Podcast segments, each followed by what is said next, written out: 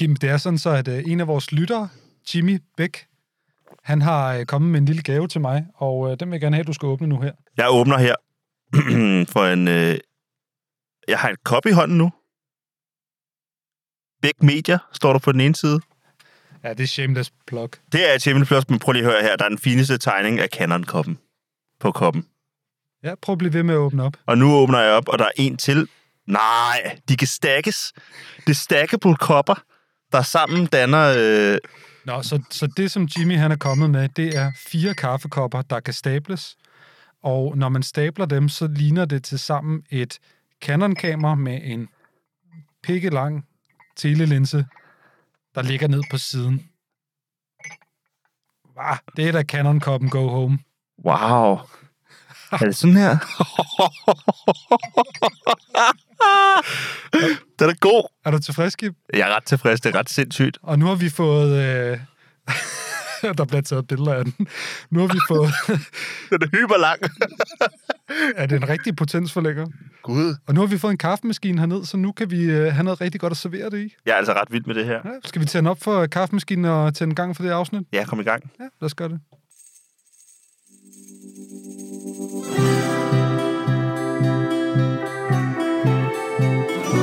Ja, velkommen til alle sammen. Kunst er for alle, og fotografi er en del af kunsten.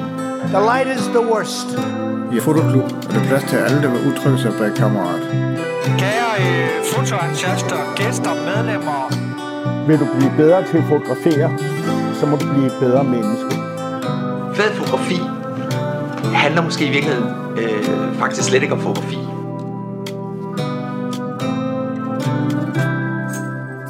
Velkommen til Fotoklubben med Christian Klintholm og Kim William Katton.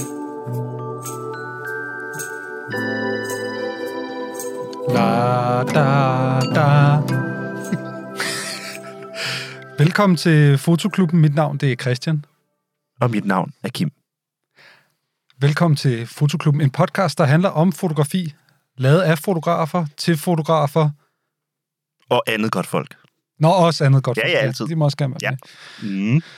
Velkommen tilbage til dig, Kim, øh, og velkommen tilbage til mig. Velkommen tilbage til os. Det er faktisk lang tid siden, vi har siddet hernede og optaget et afsnit, så måske er vi en lille smule rustne. Til gengæld så håber jeg på, at lyden er meget, meget, meget bedre, fordi jeg har hængt nogle tæpper op og nogle puder og nogle jakker. Jeg har forsøgt at optimere lyden. Forhåbentligvis kommer det jer til gode, kære lytter. Generelt så vil jeg sige, at vi prøver at optimere på vores podcast lytteoplevelse endnu, endnu mere. Og jeg har tænkt på, Kim, hvordan kan jeg optimere endnu mere her? Hvad nu, hvis jeg har en knap, der ligesom kan, kan sørge for 20% af det, jeg prøver at sige hele tiden. Så jeg har fået nogle lydeffekter med, Kim, til dig. Det er dem her. Hej Kim, det er Christian. Og den her. Det er Christian. Hej Kim. Hvor kommer det fra? Øh, det kommer fra beliggenhed, beliggenhed, beliggenhed. Nej. Jo. Ja, jeg tror, ja, verden havde Christian der, tror jeg. Det er sjovt. Men så, hver gang jeg ligesom har brug for at snakke med dig, så kan jeg bare trykke på den her knap. Hej Kim, det er Christian. Prøv at høre baggrunden til, til tematikken der. Så spændsfuld. Det er Christian.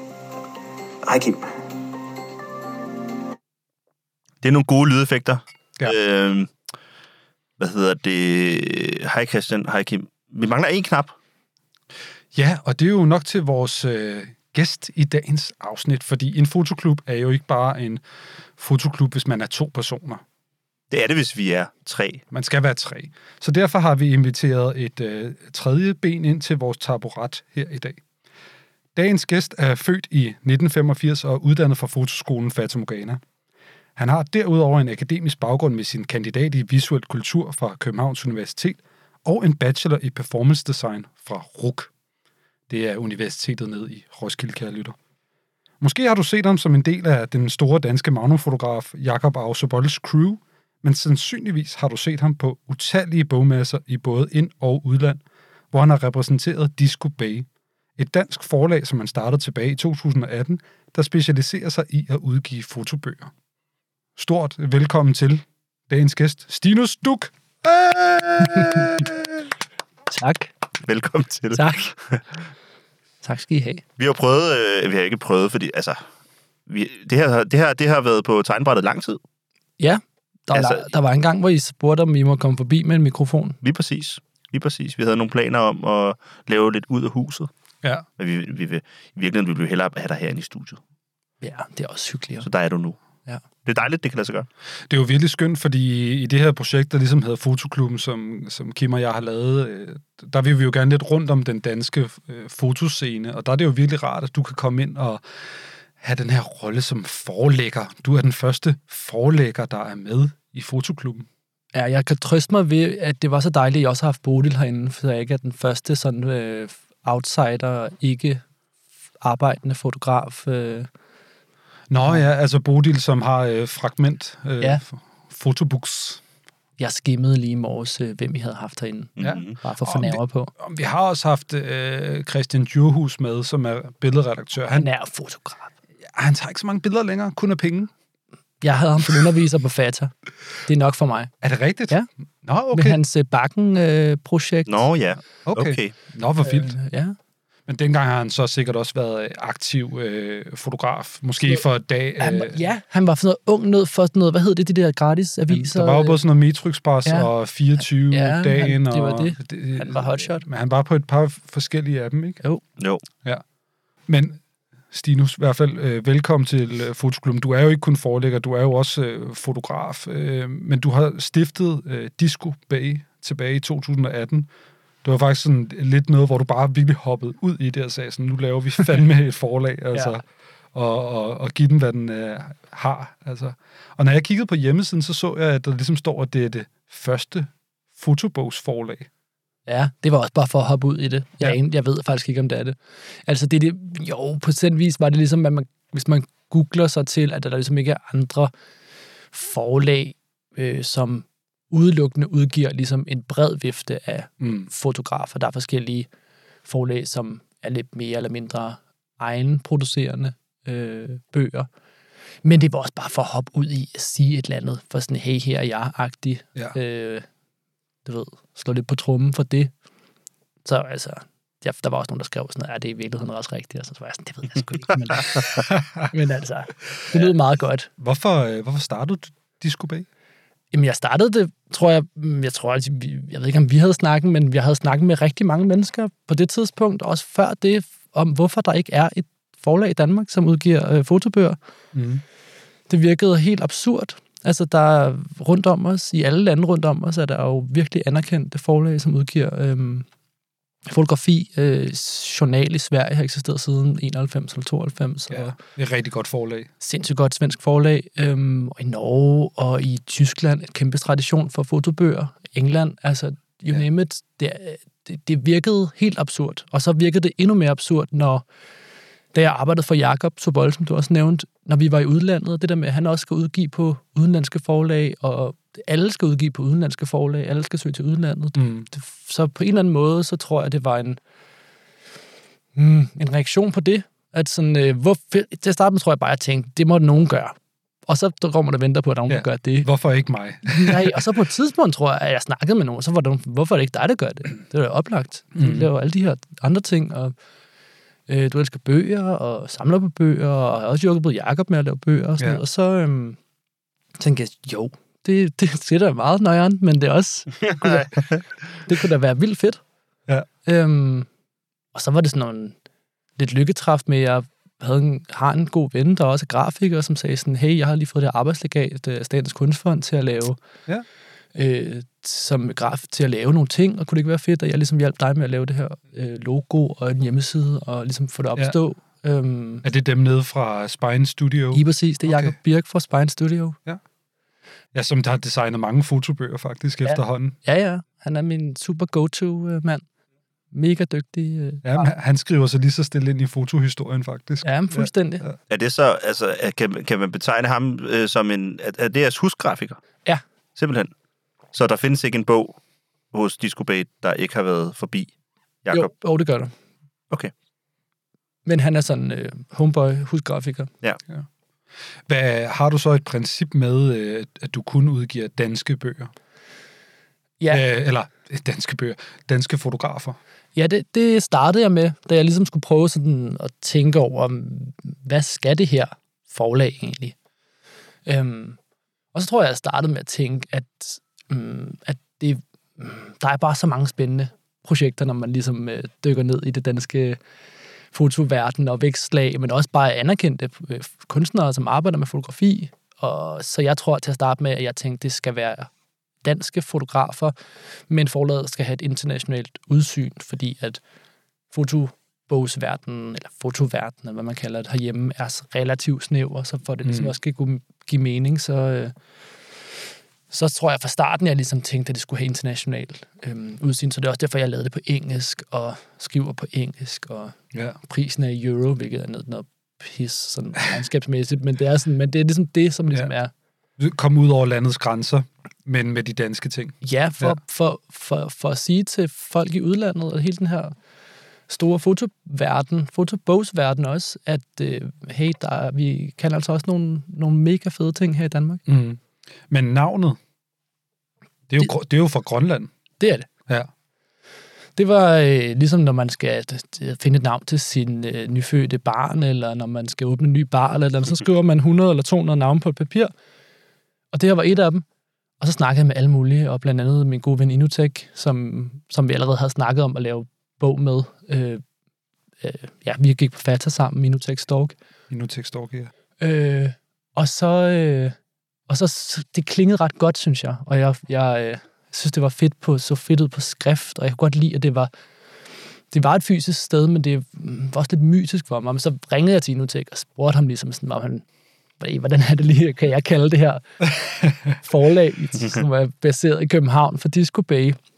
Og for det første var han sådan, selvfølgelig kan du det, og det er mega fedt, men så sagde han også, at han synes, det var helt magisk, fordi at for det første elsker han selv Disco-bugten, men for ham havde han sådan en, sådan en saying med, at Disco-bugten var det sted, hvor verden endte og drømmene begyndte. Og det synes jeg bare var sådan helt vildt ramme Okay, wow. for, for, sådan, øh, for det, som er ligesom at lave bøger. Man, Ja. ja. man giver noget frit, og man, man åbner noget op, men, men det skal også være op til beskueren, øh, hvad det skal være. Men, men øh, Magisk. så det er ikke Inutek, der har der kom med forslaget? Nej, nej, det, kom, det røg på papiret, tror jeg mig, der kom med det. Hvorfor? Øh, jamen, det, nu kommer de hårde spørgsmål. Nå, nej, men altså, øh, nej, det er da altid interessant. øhm, Jeg, jeg kunne ikke have fundet på... Øh, altså, det, er ikke, det, det vil ikke komme fra min øh, forestillingsverden. det kan jeg ikke huske. Disco Bay. Nej. øh, hvor det kom fra. Der, der, jeg kan ikke, jeg gid, jeg havde det papir stadigvæk faktisk. Der var. Mm. nogle ret sjove nogen iblandt. Men ligesom alt muligt andet, man glemmer også alle de tusind navne, ens børn kunne have heddet og sådan noget. Så, øh, Mm. så jeg kan faktisk ikke huske, hvor det kom fra, men, øh, men det havnede på papiret. Og, øh, Altså, jeg kan fortælle dig et lille fun fact, og det er, at vi, vi to har snakket om det her med at starte et forlag før, fordi Kim og jeg har engang startet et forlag. er I Danmarks første fotobogsforlag? Det tror Det jeg, kunne vi det kunne været. vi godt have været, ja. Vi, vi havde et forlag i to år. Vil du, Øh, vil du høre? Nej, vi vil næsten ikke sige, for det er simpelthen så godt et navn, så det skal faktisk, der er ikke nogen, der skal snuppe det, hvis vi en dag finder på at gøre det igen. Kim, vi skal ikke starte et forlag. Skal vi så bare... Altså, så nu skal, give, Jeg kan ikke bare sige, at I, at I sådan nu med lyd sådan copyrighter det på en måde. Kan man ikke sådan... Jo, mundtlig copyright. her med copyright. Jo, altså, så- okay, så øjeblik. En lille disclaimer. Det, I skal til at høre her, det er øh, intellektuelt copyrighted af Kim William Katter, Christian Klintholm og i øvrigt også Frederik, Frederik Korfix. Øh, Stærk trio. øh, Ja, du kan godt sige ja. Golden Valley. Wow. Det minder jo skræmmende meget. ja altså, Okay. Ja. Er det for sjov? Nej. Nej, vi, Nej, nej. vi havde Golden Valley, og vi havde domænet, og vi endte, også med at, be- er det er sjovt. Ja. vi endte med at betale et eller andet 2.000 kroner for det i Ja. ja. to år, fordi vi glemte, at vi havde domænet. Øh, Altså, det minder... Jeg ville elske, at der var et konkurrerende fotobogsforlag, der hed Golden Valley. Hvor mange bøger udgav Golden Nul. Valley i de to år? Nul. nul, altså. Men de havde en fed aftener.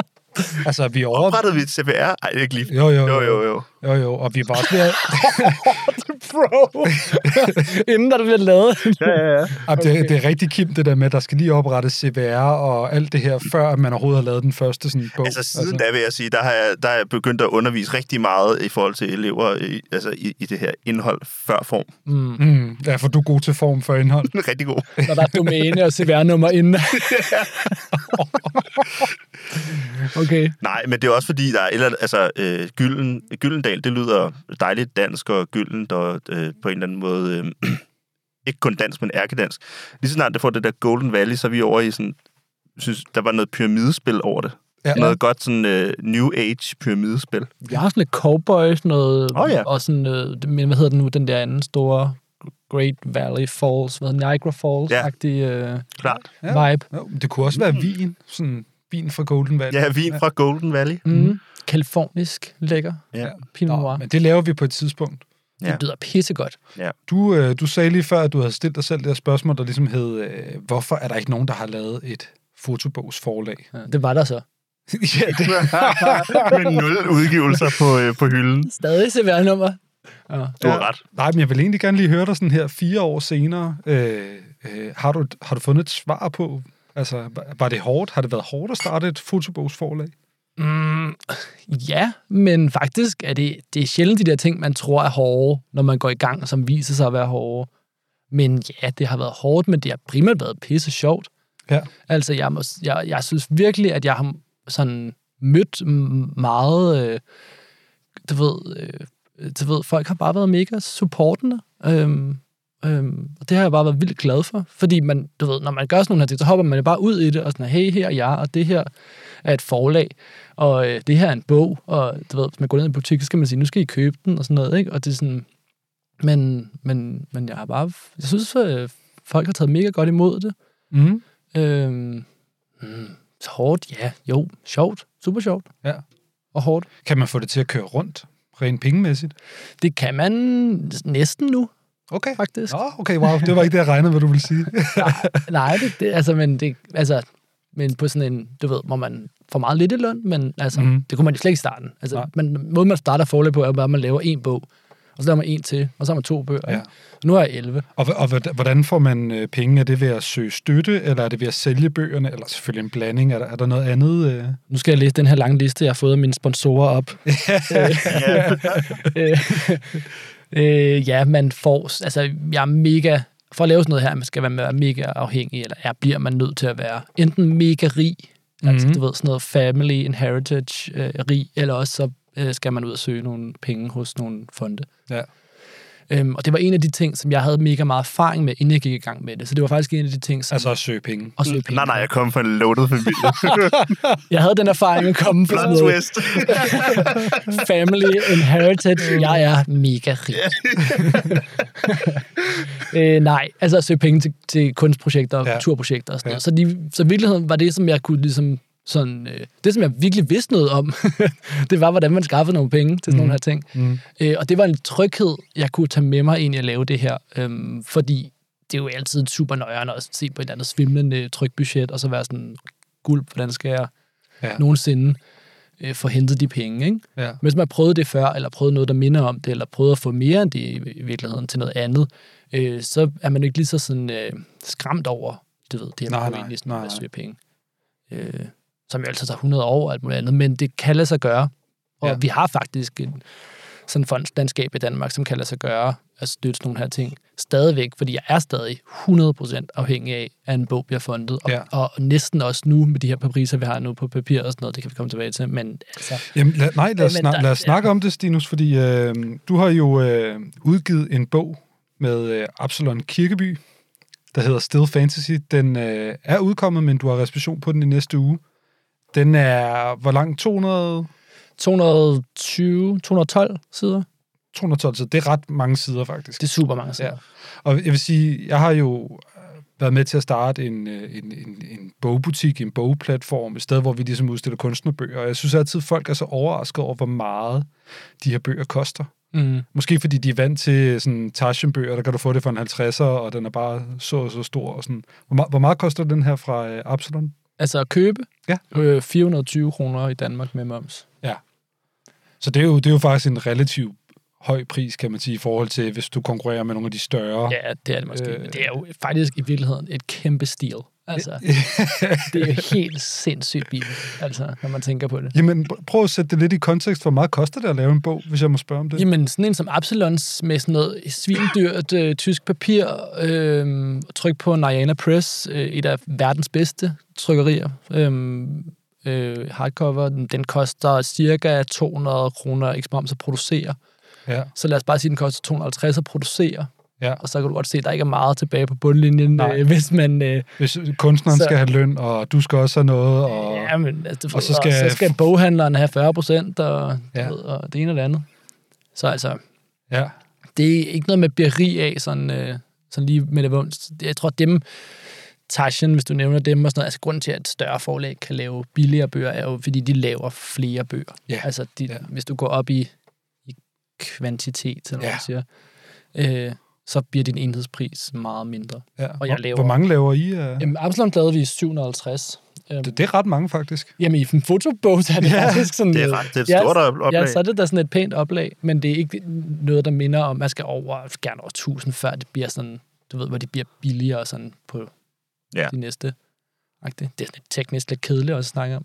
Jeg vil hellere snakke om, hvad der er på bøgerne og i siderne. Og, Jamen, jeg, jeg spørger jo også bare, fordi jeg tænker, der er mange af, af vores lyttere, der måske er lidt nysgerrige i, hvad, hvad, hvad tager det egentlig at lave en fotobog, eller hvad er processen, eller hvornår starter man, og hvornår er man færdig, og sådan nogle ting der, og alt Ja. sådan noget fis. Der. ja, alright. Jamen altså, men øh, det er fandme forskelligt fra projekt til projekt. Ja.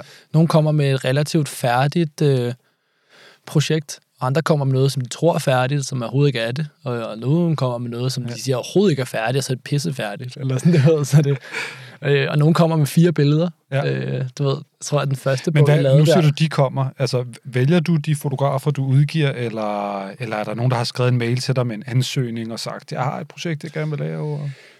Det er faktisk en blanding, men i starten var det helt, helt klart mig, der var nødt til ligesom at komme til folk, fordi der var ikke nogen, der anede, hvad det var for noget, og der var heller ikke nogen, der vidste, om det her forlag ville eksistere næste måned, eller hvad fanden er ham der Stinus, og du ved, er det overhovedet seriøst, og bliver det godt, og Mm. Øhm, så nu er der lidt flere, der henvender sig til mig end, end omvendt, men, men det har været mig, der har henvendt mig til flest af, af dem, jeg har udgivet. Øhm, men, øh, men også den anden vej. Altså det, Mm.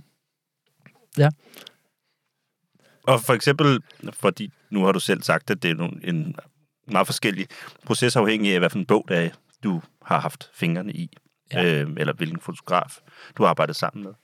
Øh, så lad os bare tage udgangspunkt i, i den bog, som vi allerede har talt lidt om. Absalon Kirkebys øh, Yes. nyeste bog. Øh, hvor lang tid har I sammen brugt på det projekt, inden at de trykkede start på, på maskineriet over hos Narayana? To år måske. To år. Ja. Ja, det er sådan meget god, sådan, hvis man ligesom fra første mail, eller mail, du mærket mig at sige mail på, øh, til man ligesom ja, står med og releaser en bog, så går der sgu nok to år. Cool. Det fortæller mig, øh, det fortæller mig rigtig meget, Ja. fordi at, øh, op i, mit, i, min, i min forsimplede tankegang her om, hvad det vil sige at have et øh, fotobogsforlag, så tænkte jeg, nå, men Stinus han arbejder sammen med øh, Absalon i x antal tid, så øh, øh, smutter Absalon, så kommer der en ny fotograf ind, så arbejder I sammen, men du har jo selvfølgelig en masse sideløbende projekter, Ja. som der befinder sig i forskellige Ja. øh, afdelinger Ja. af det, det vil sige at blive klar til at blive trygt. Ja. Bang. Lige nu har jeg jo, ja, måske slaptasken 8, måske 10 projekter i forskellige faser. ja. Helt klart. Og, og det er så samtidig med, at du også skal være til bogmesser.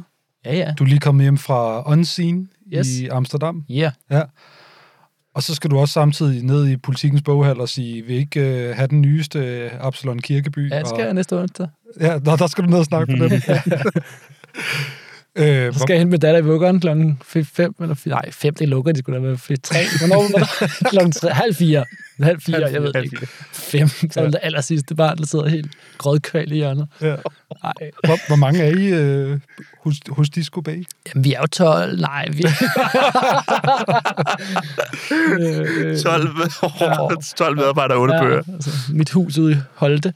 øh, nej, vi er bare mig. Altså. Ja. Øhm, Ja.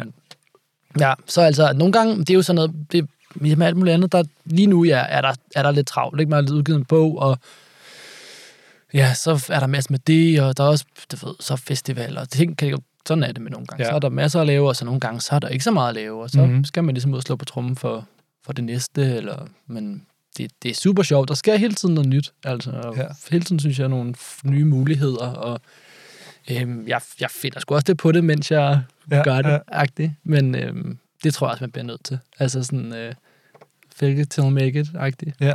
Hvornår er det bedst at være øh, forlægger? Hvornår er det bedst? Mm. Øhm, mm, det er sjovt at være på festivaler. Øhm, både at snakke med folk øh, og sælge bøgerne, og se folk sådan interesse for dem, og sådan bladre i dem, og mm, sådan se kvaliteten. Mange af dem har måske set dem på nettet, eller sådan noget, som jo er noget helt andet, end at se dem i virkeligheden. Altså bøger skal bare, du ved, røres ved og kigges Ja. på øh, i virkeligheden. Øhm, det er super fedt. Øhm, fedt også fedt at sælge en masse bøger. for Det gør man på mange af de der festivaler. Øhm, men det er også mega fedt i den der intensive proces op til at lukke en bog, altså op til at gå til tryk. Øhm, og lave sekvens og edit, og nogle gange lave titlen om, og Mm. nogle gange øh, blive uvenner og blive gode venner igen. Og, og du ved, det, det er en super spændende, sådan, men det er forskellige hatte. Det er en super spændende kreativ proces, og, og det andet er en er super spændende sådan, for mig, fordi så er pro- produktet, eller man siger, så er bogen ude, og så er det super vildt spændende for mig at se, hvordan det bliver taget imod. Ja. Ja. Er det ikke, apropos øh, sekvensering, er det ikke altid, jeg har altid tænkt, det var lidt pudsigt, når man lavede en bog, og så har man tænkt mig over, at side 1 skal vise det her billede, og side 2 skal vise det her billede, og så når den er ude til en bogmesse, så, så, er nogen, der kommer, folkene op, alle folk, Ja. og så bader de den bagfra. så starter de på den bagerste side. Ja. ja. Hvad tænker man så? det, det kan man jo ikke gøre noget ved. Nej, det er fantastisk. Ja. Og det første, jeg siger, yeah, we spend a lot of time on the edit Ja.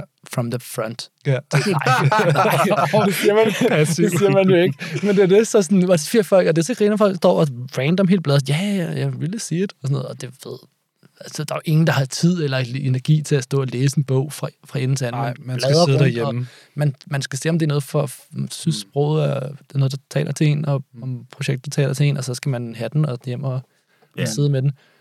Øhm, Jeg tænkte på, øh, det er nok lidt svært at svare generelt på det her, men har, har du har du gjort dig nogle øh, betragtninger eller jagttagelser, eller fundet nogle sådan universal truths omkring, hvad er en god fotobog øh, for dig? hmm.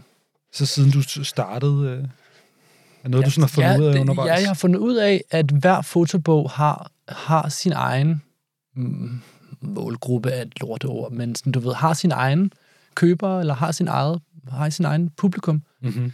Øhm, jeg tror, jeg tænkte, at til at starte med, at så er der ligesom det her publikum. det, det er der, hvad ved jeg, 500 mennesker. Og de køber så ligesom, hver gang man laver en bog, så køber de så den bog. Mm-hmm. Øh, lige meget hvad det er. og det er det jo ikke. Og det er virkelig sjovt, fordi der er meget få faktisk, øh, som er sådan nogle, som jeg kan se af gengange, og som det ved jeg jo ikke, fordi der er selvfølgelig nogen, men, men, men færre end jeg havde regnet med, som er sådan nogle, som skal have ligesom øh, alle bøgerne, eller Ja. Nå, så har du købt den, så kan jeg også godt lide den. Det er altså ikke, øh, så jeg ved, synes jeg er super spændende, at, at en bog kan tiltage, og selvfølgelig er det jo sådan, det er. Altså du ved, bare fordi man laver digtsamlinger, så skal det ikke, fordi at man skal have alle digtsamlinger, der bliver udgivet. Øhm, så, øhm, så, så det, det var sådan lidt overraskende, og, og selvom det er super obvious, men det synes jeg var super spændende, Mm-hmm. at, at øh, også at finde ud af, hvem, hvem, hvem taler den her bog til. Mm-hmm. Øh, er det det samme som nogle af de andre bøger? Er det nogle helt nye? Øh, du ved. Ja. Så det, det er jo også sjovt. Ja. Ja, det synes jeg er universal truth. Øh, men men øh, hmm, hvad har jeg lært? Jeg har lært, at øhm, mm, bogen, altså fotobogen, er, er stadig super præsent i, øh, i 2022. Altså, det, mm. det er stadig et, et medie, som, hvor der sker vildt meget, og hvor at, øhm, mm, ja, hvor der, hvor der stadig er, noget at komme efter. Ja. Altså, det er sgu ikke øh, bygons, og det var fedt i 90'erne, eller sådan noget. Der, det er stadig et super spændende medie, Ja. og der sker rigtig meget. Øhm, og for mig er det den bedste måde at, at få præsenteret fotografi på. Men er det en ting, hvor vi øh, stadigvæk har lidt svært ved det i Danmark i forhold til Tyskland og Amsterdam, eller Holland og Norge og Sverige, eller? Ja, vi har ikke nogen tradition for det rigtigt. Mm. Øhm, den kan vi jo være med til at skabe sammen, og det er jo I jo også med til at skabe fokus på fotografi, men der, der, der har helt klart manglet en tradition for, for fotografi i, i bogform øh, herhjemme. Altså, der er Kras øh, Clement, ikke, som har virkelig har, har trumfet fotobogen øh, godt ud over stepperne, og Jakob Sobol, og øh, der er flere andre, der også har sådan, du ved, løbende udgivet rigtig øh, store værker, men, øh, men herhjemme, ja, der er, et, der er det er som om, at bogen som kunstobjekt, eller som sådan, det er sværere at forstå, Ja. det, der mangler en tradition for det, tror jeg. Ja. Øhm, Har, har du, apropos øh, græs, øh, har du et, øh, har du et drømmeprojekt? Sådan et, øh, et, der ligger derude, hvor du tænker, sådan, det er det gad jeg godt, eller og tør man sige det højt? ja, jeg har flere. Okay, Ja, det har jeg. vil du sige noget? Nej, nej, nej, nej det har jeg slet ikke. for Jeg har slet ikke snakket med de personer. Så er det bare uh, straight up uh, hjerte, det her, Stinus, eller er der en del af dig, der håber at ramme sådan en red-headed picker uh, hood eller sådan noget Jamen, jeg på tror, et det- tidspunkt? ja. Eller en Holy Bible eller sådan noget? Ja, begge dele. Ja. Altså, øhm, jeg, jeg er ikke øhm, in it for the money, Nej. men man kan heller ikke kun være in it øh, for, i hjerteblod, fordi det kan man ikke leve af at betale husleje. Nej. Så jeg tror, jeg fandt, altså, det var hele tiden mening fra starten af, at det skulle være bæredygtigt på den måde, at på sigt skulle det gerne være økonomisk bæredygtigt også. Øhm, fordi det tror jeg, alle er bedst tjent med. Altså, du ved, de kunstnere, jeg arbejder med, er bedst tjent med, at der er et forlag om 10 år, om 20 år. Øhm, så, så, så, så du ved, det var det eneste, der gav mening, var ligesom at se det også som et, noget, som skal på sigt ligesom give. Så kom der corona, og så var der alt muligt andet, som ligesom satte en kæp i hjulet. Men det er ligesom planen, at det skal være bæredygtigt økonomisk. Men, men øhm, og selvfølgelig håber man altid på et eller andet. Øh, men man kan sige, jeg, jeg er godt nok ikke øh, business. Altså, jeg, jeg har ikke CBS'er, og jeg, jeg vil ønske, jeg var det nogle gange. Altså, ja. det må jeg bare sige. Altså, sat med ønske, jeg var det. men, øh, men jeg er ikke, jeg tænker ikke på pengene først på den der måde, fordi man kunne lave bøger, som så meget mere øhm, købelige ud, eller spiselige ud, eller whatever. Man kunne gøre rigtig mange ting, øhm, som jeg ikke gør. Altså, det, det, det, det, det tænker jeg, jeg tænker sjældent på, selvfølgelig bliver man nødt til at tænke på, at der kommer nogen til at se de her ting, men jeg tænker på at få det bedste produkt ud sammen med en kunstner, og få, få den vision ligesom realiseret i, i en bog. Øhm, mere end jeg tænker på, at der skal stå en køber i sidste ende og betale 300 kroner for den. Og det er nobelt, synes jeg. Det er en nobel pointe. Og hvad hedder det, vi skal også høre lidt om, hvad du ellers tænker på i virkeligheden. Øh, vi skal stadig snakke med dig og om dig. Vi skal bare lige øh, ind i et lille segment, som vi kalder for De, De 10 skud.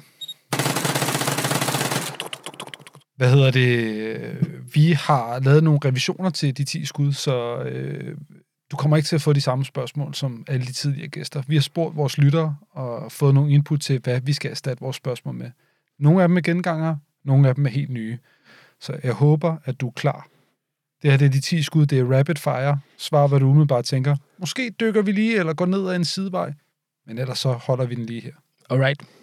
Kim, vil du starte? Det vil jeg gerne. Stinus, dit første kamera.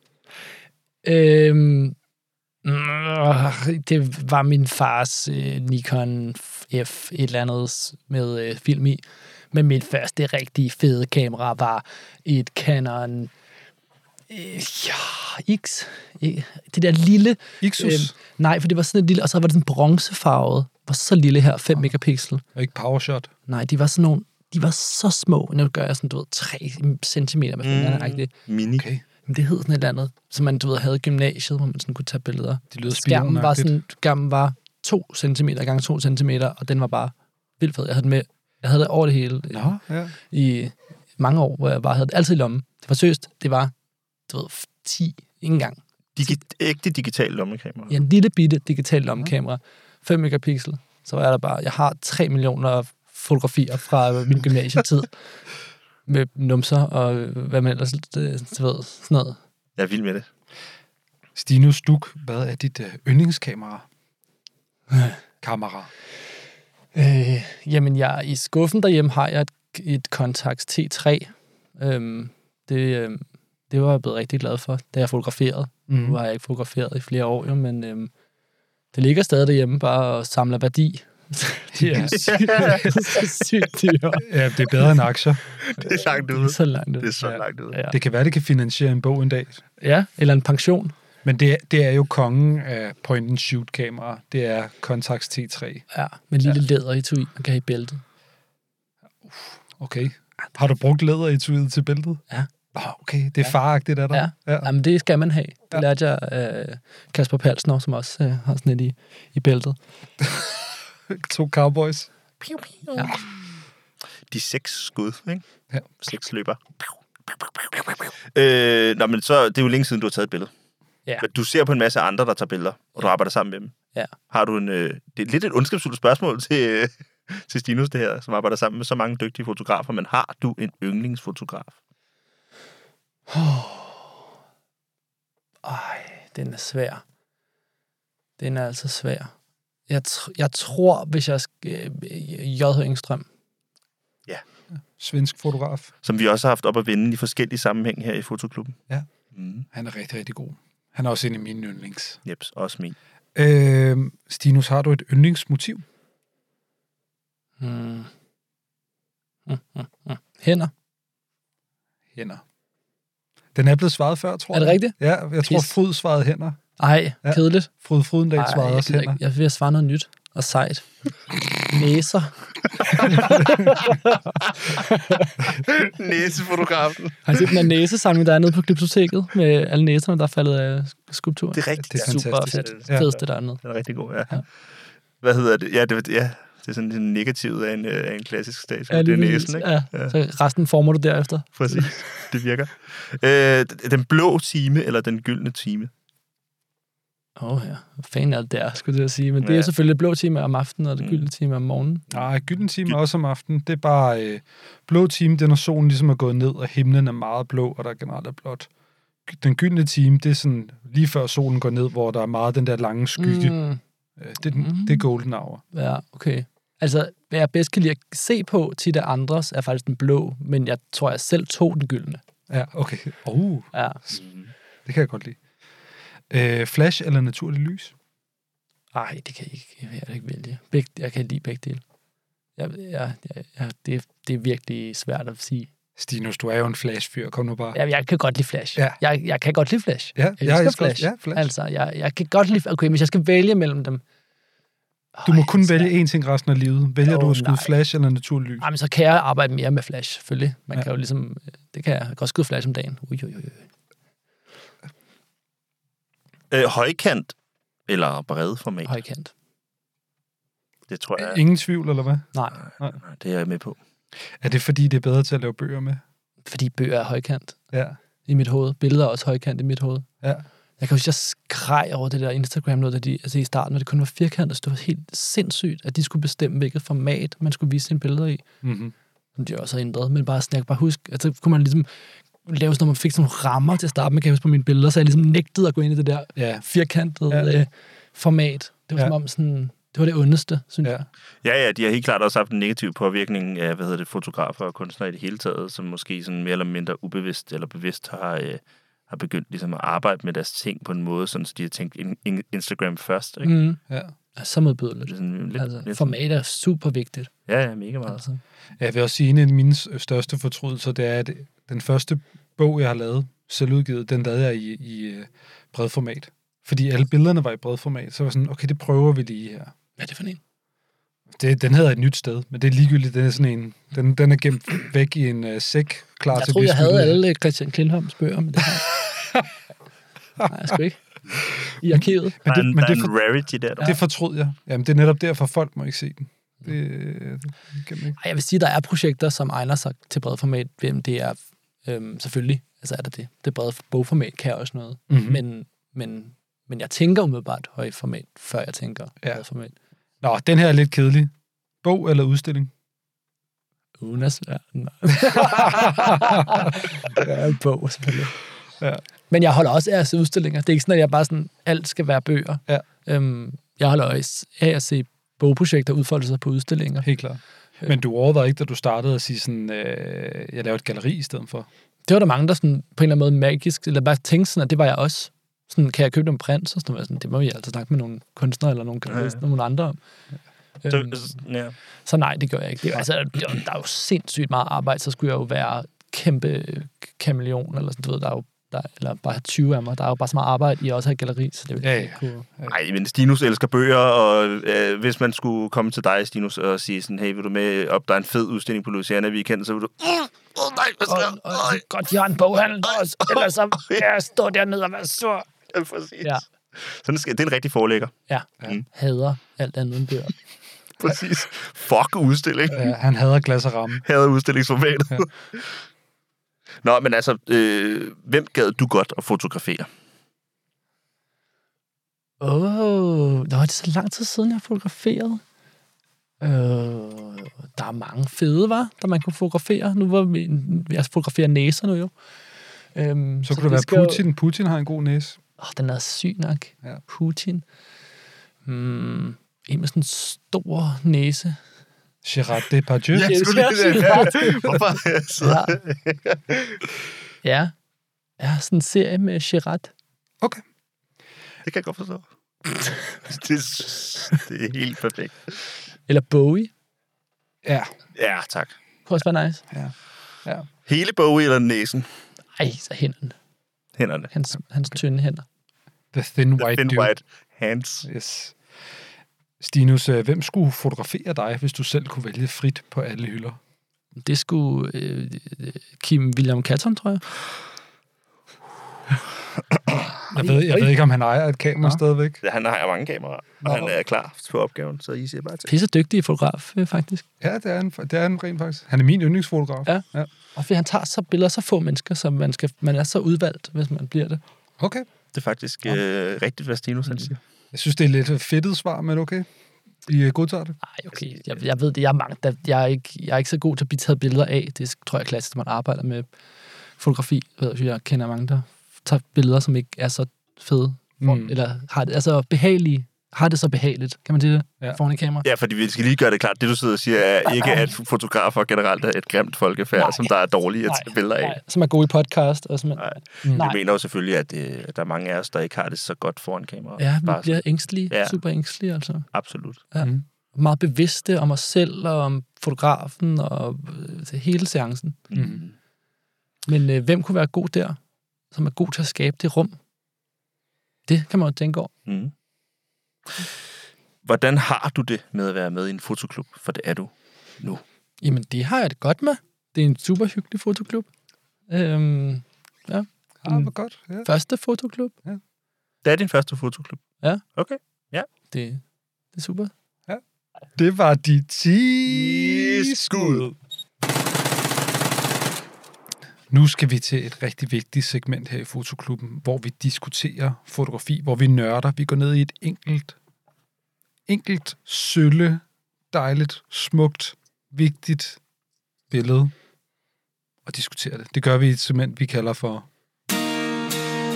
Kig på det her fotografi. Og jeg snakkede ind over det, så I kan ikke søge mig for copyright. Det handler om ikke at blive sagsøgt. Stinus, du... Okay, Stinus. Klart. det tror du tror vores Det er gæst. derfor, jeg har min advokat med. Det er derfor, der er så nøjeren. Han, han står lige her siden af mig. Ja. Hele tiden er han med på. Det er virkelig det skal der i øret. Ja. Øh, nej, det kan jeg desværre ikke svare på, dreng. Ja, det må jeg ikke sige noget om. Stinus, øh, vi har bedt dig om at tage et fotografi med her til Fotoklubben, som vi skal diskutere. Det kan være et fotografi, der har betydet meget for dig. Det kan også bare være et, du lige har opdaget for nylig. Hvad, hvad har du taget med til os i dag? Jamen, Jeg har taget øh, nærmest en gave jo, fordi til os alle sammen. Og du har selvfølgelig taget det med fysisk. Ja, jeg har taget en bog med. Nå, Nej, sådan. Det er ikke min egen, for jeg ejer den desværre ikke. fra manden, der hader udstillinger. Kommer her. Det indrammet fotografi. Nej. Øhm, det er en fotobog af en, am, en eng, amerikan, en engelsk øh, kunstnerfotograf, der hedder Richard Billingham, som hedder Raise a Laugh. Du kunne også lige så godt have taget 300 dollars med i hårde kontanter der. Eller hvad koster sådan en sag? Jeg ved ikke, fordi jeg har lånt den på biblioteket. Og det er Nå, en kæmpe reklame herfra. Kunstbiblioteket Nå. nede på Charlottenborg. Nå, Nå, ja. Yes, yes, ja, yes. De har øh, første udgaven af a Laugh. De har faktisk to af dem. Jeg lånte Ja. ja. den ene. Øhm, Ja, det er faktisk en rigtig god anbefaling. Jeg brugte også, øh, da jeg gik på kunsthistorie, brugte jeg det også meget. De har nogle helt sindssyge fotobøger. De har nogle helt Øh, sindssyge bøger, og ja. altså, jeg var bare sådan, wow. jeg Wow. havde ikke lige så meget tid, jeg skulle hente det der, men det er bare sådan, man kan bruge flere Ja. dage. Jeg skulle til at sige, første udgaven af den der bog, 300 Jeg tror ikke, man, dollars jeg tror, du kan sætter ikke gøre 0 det. bagpå Ja, ja, ja. dollars der, men øh, Nå, men, men øh, før du viser os øh, det her billede, kan vi lige sætte lidt kontekst på, hvem er Richard Billingham, og hvorfor er det, at Kim og jeg reagerer på den her måde? jamen, det er en legendarisk bog, den her. Jeg, og nu siger jeg en historie, som jeg ikke kan huske om passer, men jeg har det, som om jeg så den på Fata. Der var et, det var i biblioteket der. Okay. Og jeg, eller også er det i samme periode, hvor jeg har set den, eller også er det hos Jakob øh, Sobol. Øhm, men øh, det er en legendarisk bog øhm, øh, om Richard Billingham. Ja, den er lavet i 96, øhm, og øh, på det her forlag, der hedder Scarlow, som også er et legendarisk forlag. Okay, ikke ja. eksisterer mere, desværre. Nå. Øhm, men øh, om hans familie. Altså, jeg tror, han går på kunstakademiet, mens han laver det. Øh, Ja. Og så fotograferer han, han ligesom... Han er sin- slet ikke fotograf, hvis jeg husker rigtigt, faktisk. Nej, sikkert ikke. Nej. Det kan jeg ikke huske. Men jeg tror, han laver malerier. Så går det være. Men han tager de her billeder af, af hans familie, hans far og hans mor og hans bror, øhm, i sådan noget engelsk øh, forstads øh, s- slum-agtig, øhm, øh, primært inde i det her lejlighed. Jeg stort set alle, jeg tror, at alle billederne er optaget i den lejlighed. Ja. Øhm, og altså, jeg har faktisk ikke set den siden, at jeg så den dengang, altså som fysisk bog, for jeg ikke ejer den desværre. Mm. Øh, men jeg ville så gerne have den med, og så i morges var jeg nede den på biblioteket, og har bare siddet og bladret i den i dag, og den er helt fantastisk. Altså sådan, øh, altså edit og altså sekvens og sådan, sådan stramhed omkring et projekt, der er den fuldstændig med. Ja, ja. Der er ikke nogen tekst i. Altså alt er billeder. Alle sider i bogen er billeder, inklusiv. Altså der er ikke noget titelblad, der er ikke noget. Det her, det starter med et billede, som de allerførste. Eneste tekst, der er det på bagsiden, ja. som man selv har skrevet. Så det er også bare sådan, det er kun fotografi. ja. Mm. Det, Mm. øh, og jeg kunne tage alle billederne med Ja. herfra. Øhm, Jeg tror, men jeg tror, faktisk, jeg tror faktisk, at historien er med, øh, med Richard Billingham, det er, at han, han er maler på Kunstakademiet, og han har taget de her billeder af sin familie, fordi han skal bruge dem som øh, motiver, han senere skal male. Og så viser han det til sin professor, og så er det professoren, der siger, "Men du skal overhovedet ikke male dem, fotografierne er vanvittige. De er helt sindssyge. Altså, det er fotografierne, du skal vise. mm. Og så er det, han ender med at lave det her fotografiske projekt, der hedder Race a Laugh. Og, ja, Og, og Ray, det, det, er hans han, far. det er hans far, ja. og øh, altså det er hans bror, der ligesom har det her udtryk, der hedder raise a laugh. Ray er til grin. Altså det er et engelsk ja. udtryk, ikke? He's a laugh. Ikke? Um, og øh, Ray er alkoholiker, drikker, og hans mor øh, drikker ikke, men ryger rigtig mange smøger. Han skriver, at det står på bagsiden af alt det her. Okay. Øh, Det er ikke bare noget, du, du lader ikke bare slander. nej, det står alt sammen ret Ja. fint tekst, han har skrevet på bagsiden. Okay. Um, øh, og elsker dyr. Mm. øh, moren. Øh, og så slås de, altså moren og faren, ret brutale billeder af, hvor de slås, altså med det her helt, øh, Hun vinder tit. ja ja, hun er en stor kvinde, øh, og Ray er ikke særlig stor. Eller han Og- bløder også tit ud af Ja. næsen. Ja, det kan man se på billederne. Ja. Ja. Og, og for mig tror jeg, at det første gang, jeg så den her, der gik jeg på Fata, og jeg, jeg tror ikke, jeg vidste rigtigt, hvad fotografi var. Altså må jeg sige, at det, jeg vidste, hvad var, var sgu også lidt noget lort, tror jeg, dengang. Og så tror jeg, jeg så den her bog, øh, samtidig med, at jeg så nogle andre projekter, måske også af, af Engstrøm, og måske også, jeg så noget af, af Sobol, øh, blev præsenteret for det, men jeg, jeg fik et her med den her bog, sådan, gud, kan, det, kan fotografi være det her? Altså, kan Okay. det være så personligt? Kan man, må jeg få lov at se det? Altså, Mhm. kan, altså er det overhovedet... Øh, jeg blev super rørt af, af det her øh, projekt. Ja, altså du føler, det er nærmest, øh, det er nærmest hemmeligt, eller sådan, det, du ser noget, du ikke burde se. Ja, men fordi, tror jeg, at det er lavet i en bog og præsenteret på mig, for mig på den her måde, at det lige præcis ikke hemmeligt på alle andre måder næsten. Altså, hvis jeg bare så nogle løsbilleder af det her, ville, det, ville, det, Ja. ville jeg have en anden følelse. Men fordi det er sat ind i den her kontekst af at være en bog, så må jeg gerne. Ja. Øhm, jeg, bliver- altså, øhm, jeg får ligesom en adgang. Hvad for, et, øh, hvad for et billede har du så valgt, vi skal snakke om? Fordi så skal vi måske beskrive det for dem, der ikke har set det. Øhm, jeg tager et af de klassiske billeder. Jeg havde måske tænkt mig at tage den, men jeg tager, jeg tager et lidt mere, som folk måske også kender. Øhm, I hvert fald nogen, der kender til projektet. Øhm, det er et, øh, det er et billede, hvor, hvor Ray han, han kaster med en kat mod billedet, eller mod fotografen, mod mig, mod beskueren. Øhm, og det er jo et, et ikke-billede. Altså på den måde, at det er jo et bredformatsbillede. Alene det er det ikke et billede for Stinus Duk. nej, men det er sådan et billede, som jo ikke er et Mm. godt fotografi. Ja. Altså, vi, men, men Og hvor, hvorfor siger vi det? Er det, det er fordi, det er rodet? Og... de roder super meget, ikke? Og der sker rigtig mange ting, men på en eller anden måde... Og det er ikke god komposition nødvendigvis. Nej, men det er det, jeg elsker ved det. Det Ja. har sådan et, et weird øhm, komposition, hvor katten ligesom på en eller anden måde bliver hovedpersonen, øh, øh, som på en eller anden måde bliver en genstand, ham der Ray kaster imod mig eller mod fotografen, så på en eller anden måde er jeg sikkert bare det, han har haft i hænderne. Mhm. Øhm, så der er ekstremt meget ligesom, action i det her billede, samtidig med, at det er stadig, vi kigger på et 2D øh, øh, billede, ikke? Mhm. Mm-hmm. På papir. Øhm, men der sker super meget. Øhm, farverne i det her hjem, jeg ved ikke, om det er fotograferet på Dias, det kunne det godt være. Eller noget, et eller andet, hvor der er smæk på farverne. Der er smæk for, på farverne, ja. Øhm, Og så hjælper det jo også, at han bruger rigtig meget flash Ja, ja, i den her lejlighed, Ja. så det gør jo også, at farverne virkelig... det. Men der kommer frem. noget, noget gyldent lys ind af et vindue, sådan til højre i billedet, øhm, øh, så man kan se det dagslys, men der står ligesom også sådan noget, altså, noget sprut eller noget. Altså, der er, det er ligesom, der, der, der er... Øh, Så der er spor af alkoholismen i billedet. Det er også sjovt det der med, at altså, hvis der var noget dybde i det, i, i det der rum på et tidspunkt, så er det der overhovedet ikke mere, vel? Det er bare sådan, Nej. sådan flade. Det er blevet skudt i stykker, Ja. ja. den der flash. fuldstændig. Øh, så der er ikke noget for- eller mellem- eller baggrund eller noget som helst. Det hele er bare sådan en kage af en plakat. Det er meget sjovt, det kommer fra, fra, fra, en, fra en fyr som Richard Billingham, som slet ikke var fotograf. Han endte med at lave flere fotografiske projekter efter det her. Jeg har faktisk ikke set andet. Øhm, Nej, men det er ikke lige så godt. Det er ligesom den svære toer, når du først har lavet den her. ja. Også, jeg tror også, der er noget i det der med, at han havde jo ikke tænkt, at de her billeder skulle udstilles som fotografier. Han havde tænkt, at han skulle male dem, så han er jo ikke netop ikke gået op i, at de skulle komponeres godt. Fordi han kunne jo altid lave kompositionen anderledes bagefter, og det er netop det, der er det stærke ved dem. Det er det, altså, det er Så når du først bliver for bevidst ja. om din proces, så kan det være, det ødelægger det hele, måske. Eller sådan noget. Det er det, du godt kan lide ved det, det er det der med, at det ikke er fotograferet Jeg synes, Ja. på en eller anden måde. jeg synes altså også, det er forkert overhovedet ikke at snakke om, om, om det her projekt som et... Altså, jeg synes, vi bliver nødt til at snakke om det, om, om hvorvidt det er i orden eller ej.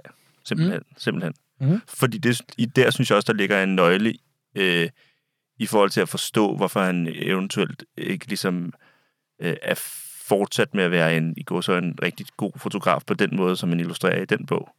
Mm. Fordi det er så... Øh, okay, så der er tale om en person, der har, der har valgt at fotografere sin familie, som er i en, en, det er en dårlig, dårlig tilstand, Mm. Ja.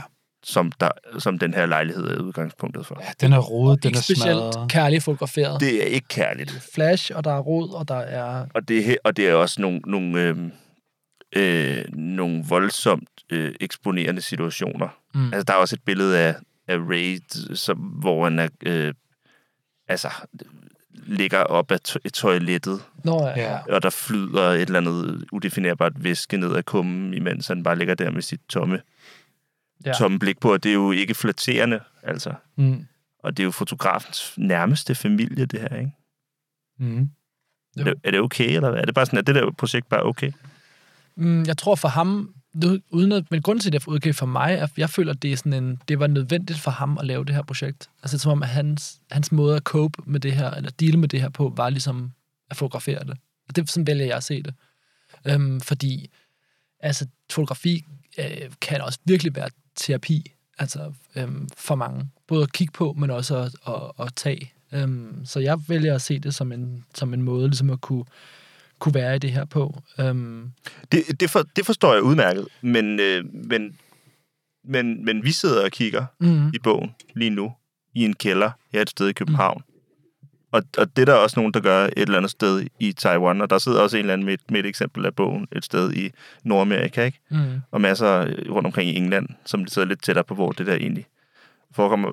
Så jeg, jeg forstår, hvad du, hvad du siger. Jeg er bare i tvivl om, jeg synes, at den behøvede at været udgivet. Altså om billederne skulle have været udgivet. Nå, jeg, jeg synes, det er virkelig vigtigt. Altså, også mig. Altså, jeg synes, det er ægte. Det er ægte, det her. Det er jo noget andet, hvis det havde været en fotojournalist, der havde været inde i lejligheden og taget billederne og udstillet dem, men det er jo...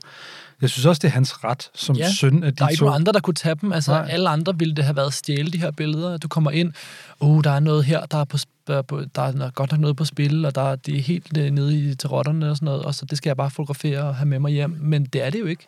Det er jo hans eget liv. Altså, øh, jeg tror også, at nogle af dem, der er selvportrætter, det er hans, det er hans far, mor og hans bror og sådan nogle ting. Så, så han, han, han udstiller dem jo, men han, hmm, han gør det jo også ligesom for at sige, hey, altså som om, det er, der er også noget wake-up-agtigt over det, sådan noget, hey, ved I godt, det ser sådan her ud? Ja, det det sker. Eller sådan, øhm, og jeg går ud fra, at han har fået lov til at lave det, ellers så tror jeg ikke, man måtte lave det, eller har man på en eller anden måde ligesom spurgt om lov. Det ved jeg jo ikke noget om, men, øh, Nej, nej, nej. men, øhm, men, men det tænker jeg. Altså, øhm, der er et billede, som er ret rammende, som er af Ray, som, øhm, som ligesom har cleanet op.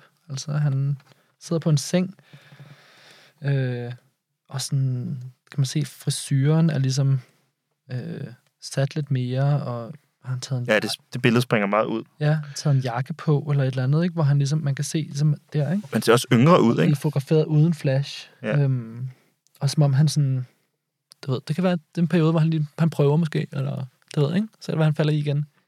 Men, øhm, men øh, det er også blevet, det er også kommet med. Klart. Så, så, så, altså, og så er der de her super mærkelige øhm, øh, pausebilleder, for der er billeder af en and, og et billede af en fugl, som er med, som jeg som muligvis enten er det taget ud af vinduet med en tele, eller også er det af fjernsynet, hvor der er sådan noget weird dyreprogram. Øhm, for ellers er det jo kun inde i lejligheden, men de er så grineren øh, taget med i, i, i sekvensen, som er sådan, Ja, fordi de er piktoreske. Det er sådan nogle dyrebilleder. ja, Eller sådan nogle øh, natur. Ja, Billeder. de er meget smukke på sin helt egen øh, på sådan en kitsch helt måde. vildt kitschet måde. Ikke? Ja. Altså, jeg tænker næsten, det må være fjernsynet. Men det kan ikke rigtig se sådan noget Moire eller Moret, eller hvad det hedder. Jeg kan ikke, altså, har han været ude til et billede af en and, men super weird. Men måske har han lige brug for, at der var lige var en pause her. Mm. Øhm, men for mig tror jeg bare, at det her projekt sådan, hmm, fik mig til at se, sådan, okay, hvor spektret af fotografi er bare kæmpestort, af hvad vi kan kalde sådan fotografi. Og, og, Mm. og det er ikke, fordi jeg siger, at alt skal være sådan her, for jeg kan, jeg kan godt lide sådan noget her, men jeg kan jo ikke kun se sådan noget her. Og det gør heller ikke kun sådan noget her, man kan have derhjemme og se på hele tiden, hvis man, fordi man bliver inspireret på en anden måde af de her ting, end man kunne gøre af, Ja. af nogle andre projekter, som var strammer måske, eller hvad ved jeg. Men, sådan, men, men det har ramt mig, sådan, øhm, sådan en, du ved, da jeg, jeg var studeret, og så Ja. Men øh, Stinus, tusind, tusind tak, fordi du har taget den med. Det var spændende at høre om, hvordan den har været en øh, åbenbaring for, for dig i forhold til, hvad fotografi er og hvad det kan være. Hvis ikke man har øh, tjekket den ud, så, øh, så kan man jo lege den på Kunstbiblioteket nede ved Charlottenborg her i København. yes. Den hedder Race a Laugh med Richard Billingham. Vi lægger billedet op på vores Instagram.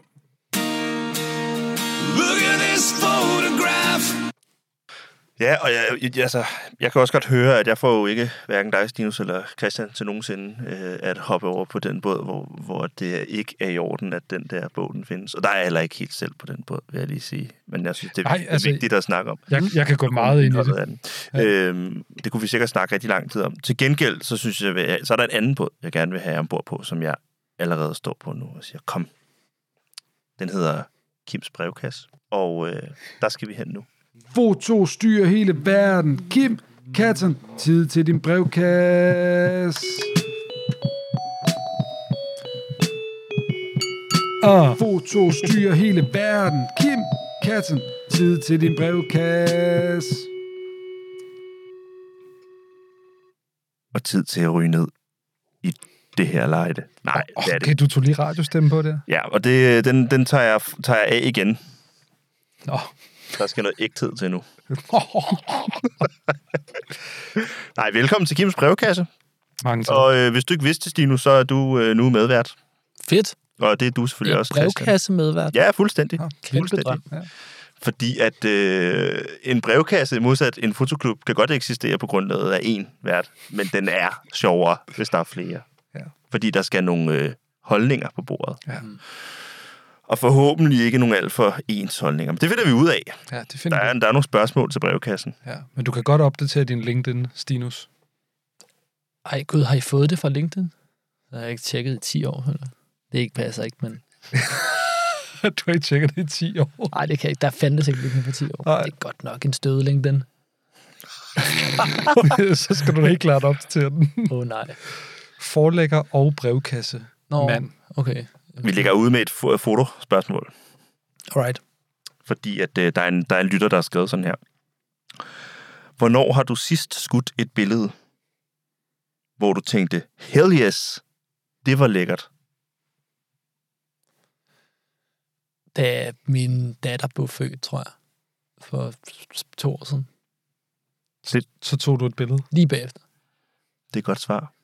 Hvor hun øh, med helt blodig, øh, med en afstreng hængende, lå op hos sin mor. Det var, der var smæk på. Det var vildt fedt. Det kan jeg godt forstå. Ja.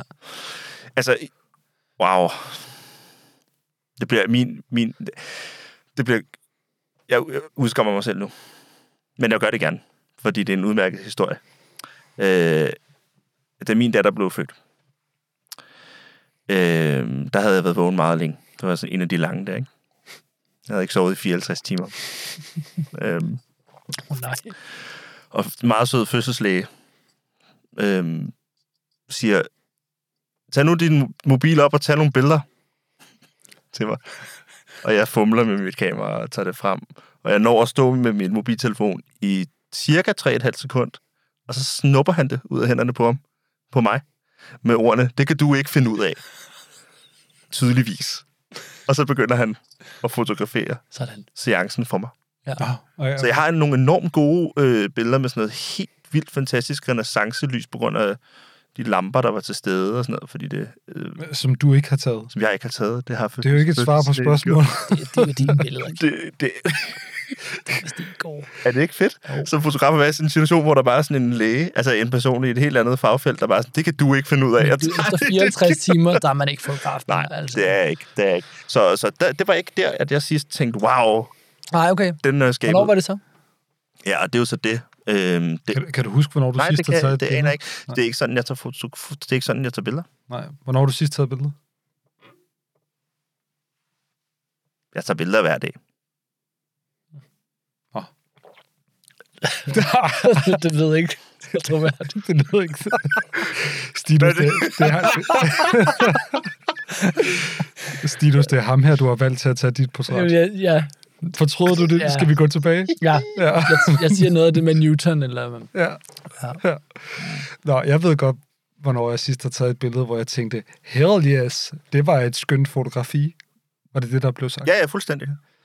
Altså, jeg, øh, jeg har fået totalt optur over at tage makrobilleder af blomster. Wow. Ja. Og alle tror, det er en joke, når jeg siger det. De, er sådan, de sådan, tager du stadig billeder, Christian? Så bare sådan, ja, jeg tager billeder af blomster. Og så er de bare sådan, hø, hø, Med, fedt. ti- med, med helt øh, nede i... Ja, ja, ja. Okay. ja. Og det, jeg, det, jeg rigtig godt kan lide at gøre, det er, Helt nede i støvdragerne.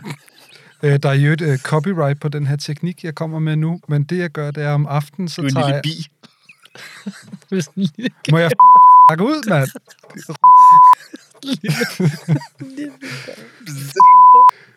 øh, min datter var det sidste gode billede, jeg tog corny Hvad fanden er der med jer to, mand? Lad mig tale ud! Tal ud! Ja. Nå, okay. Øhm, ja, det, nej, det, det jeg rigtig godt kan lide at gøre, det er, at øh, det skal lige blive aften. Måske blå time. Godt tidspunkt. Flashen på mit øh, kamera, den skal lige tændes, og så over i makro mode, og så bare stikke øh, kameraet helt ned i de der blomsterduske, og så bare tage billeder alt for tæt på med makro. Det, det, jeg er helt oppe at køre over det. Altså, jeg er blevet sådan en gammel mand, der går rundt og tager makrobilleder af blomster. Jeg synes, det er så Men jeg tror fedt. faktisk, at blomster er det fedeste. Ja, er det ikke det? Jo. Det Ja. vil være, altså, hænder, næser og blomster, det er altså... Du er også god til at tage blomsterbilleder. Jamen, jeg elsker blomsterbilleder. Ja, ja. Ja.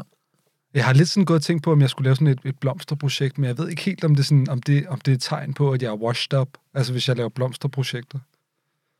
Man skal bare have nogle blomsterbilleder. Det kan være, at jeg kan stille et spørgsmål til brevkassen. Er jeg washed up, fordi at jeg tager billeder af blomster? Kære brevkasse. Hmm. Øh, Christian, Sentimental og nostalgisk, og blomster symboliserer jo alt muligt, men primært jo død. Ja. Du har jo læst, du har jo læst kunsthistorie, Christian. Uh, jamen, jeg ved ikke, der er også, øh, hvad hedder hende der, øh, der, der maler øh, blomster, hvor det ligner øh, vaginale åbninger. Ja. Øh, George O'Keeffe. Liv. Det er jo liv, ja. Det er jo fødsel. Ja. ja. Jeg tror ikke, det er ikke særlig ungt, der tager billeder af blomster, er det det? Nej. Nej. vi har sådan en magnolia-træ hjemme i vores have. Det er det mest, øh, for nu snakker jeg om død, og øh, hvad snakkede du om lige før? Vaginale åbninger og sådan noget, ikke? Det der, hvad hedder det, det der magnolia-træ hjemme i vores have, det er det mest, altså på alle måder det mest vulgære øh, træ, Ja. ja. jeg kan komme i tanke om. Har I set sådan en? Ja, ja. det, det ja. blomstrer, og så falder det bare lynhurtigt. Ja. Og bladene er, er kødfyldte. De er alt for... Altså, når man samler sådan et blad op fra en magnolia... Øh, Sådan lyserødt. ja, lyserødt eller hvidligt og sådan. Og så smager det også... Øh, man kan spise dem.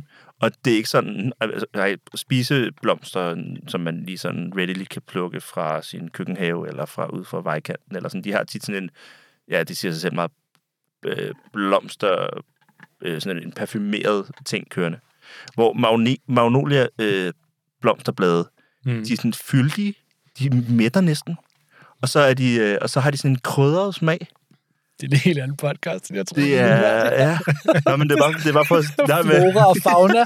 Velkommen tilbage. ja, netop, netop. Ja, det sker tit, det sker tit.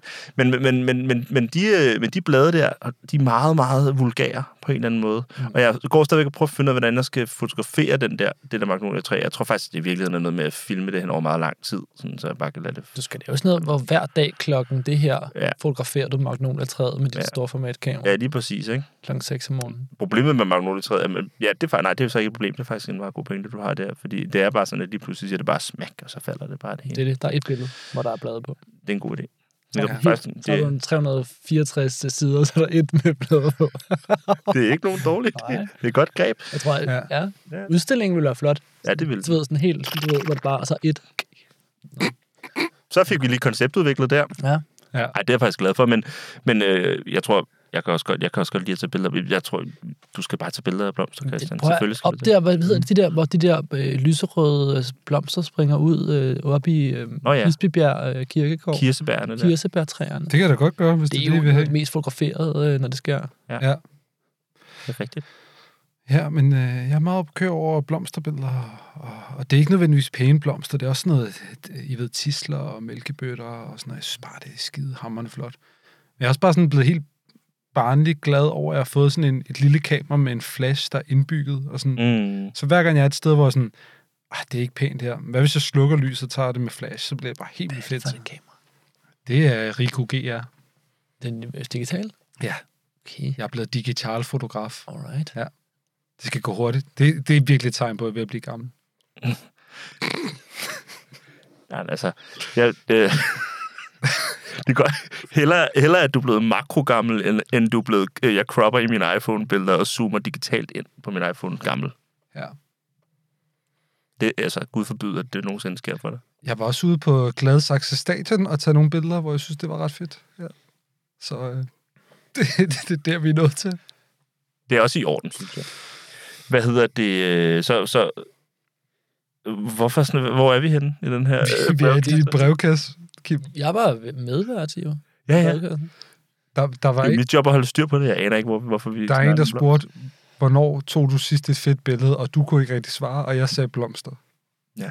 Og Stino svarede fødsel, Mm. Mm. og jeg svarede død. Og jeg kom med en anekdote over, hvor- hvordan at øh, jeg fik øh, øh, frataget øh, mit kamera. Det er min datters fødsel. Men jeg troede, jeg troede jo, Kim, at du havde det sådan lidt uh, Peter Lick-agtigt, det der med, at hver gang du tog et billede, du vidste, det var et galleribillede, så vidste du det med det samme. Ja, og så indtaster jeg det i metadataen. Gallery worthy. Stemmer. Altså allerede størrelse og Ja, ja. sådan noget format og alting i det. I Det hele. metadataen. Det ja. hele. Ja. Genialt. Mm.